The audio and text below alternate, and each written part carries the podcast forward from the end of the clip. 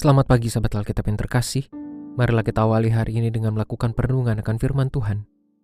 Bacaan Alkitab kita pada hari ini berasal dari kisah para rasul pasalnya yang ke-23 ayat 12 sampai 15. Setelah hari siang, orang-orang Yahudi mengadakan komplotan dan mengikat diri dengan sumpah bahwa mereka tidak akan makan atau minum sebelum mereka membunuh Paulus.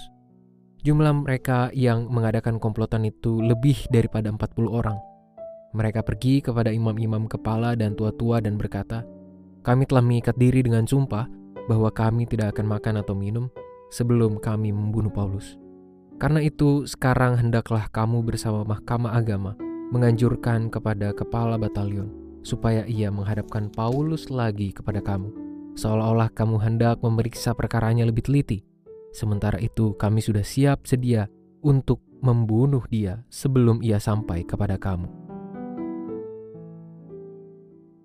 Sebagai umat Tuhan, kita menjalani kehidupan beriman yang diiringi dengan sejumlah praktik pelatihan spiritualitas.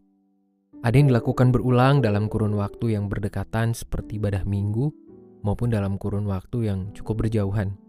Ada praktek pelatihan spiritualitas yang umumnya dilakukan secara komunal, maupun dilakukan secara personal.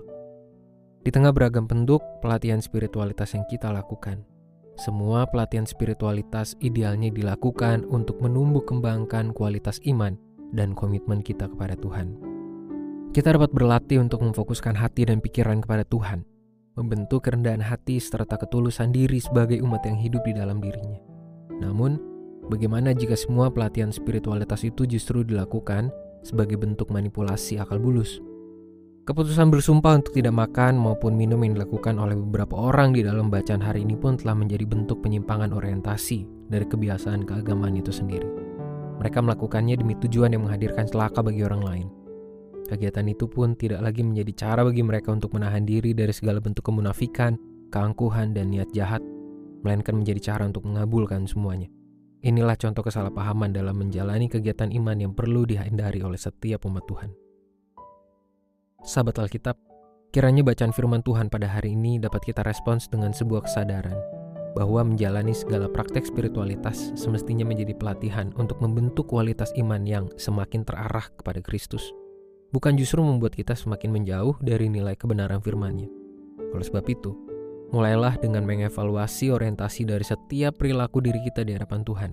Dari setiap kegiatan pelatihan spiritualitas yang kita lakukan, entah dalam ritus-ritus di ruang ibadah maupun rutinitas lain yang kita lakukan dalam ruang privat. Marilah kita berdoa. Tuhan di dalam kebenaran firman-Mu, tolonglah kami untuk memiliki cara pandang, pemikiran, dan kemampuan untuk memaknai setiap pelatihan spiritualitas yang kami lakukan hingga saat ini dan yang akan datang. Biarlah semua itu boleh kami lakukan dengan ketulusan, semakin memantapkan keteguhan kerendahan hati kami sebagai umat yang mengaku percaya dan hidup di dalammu.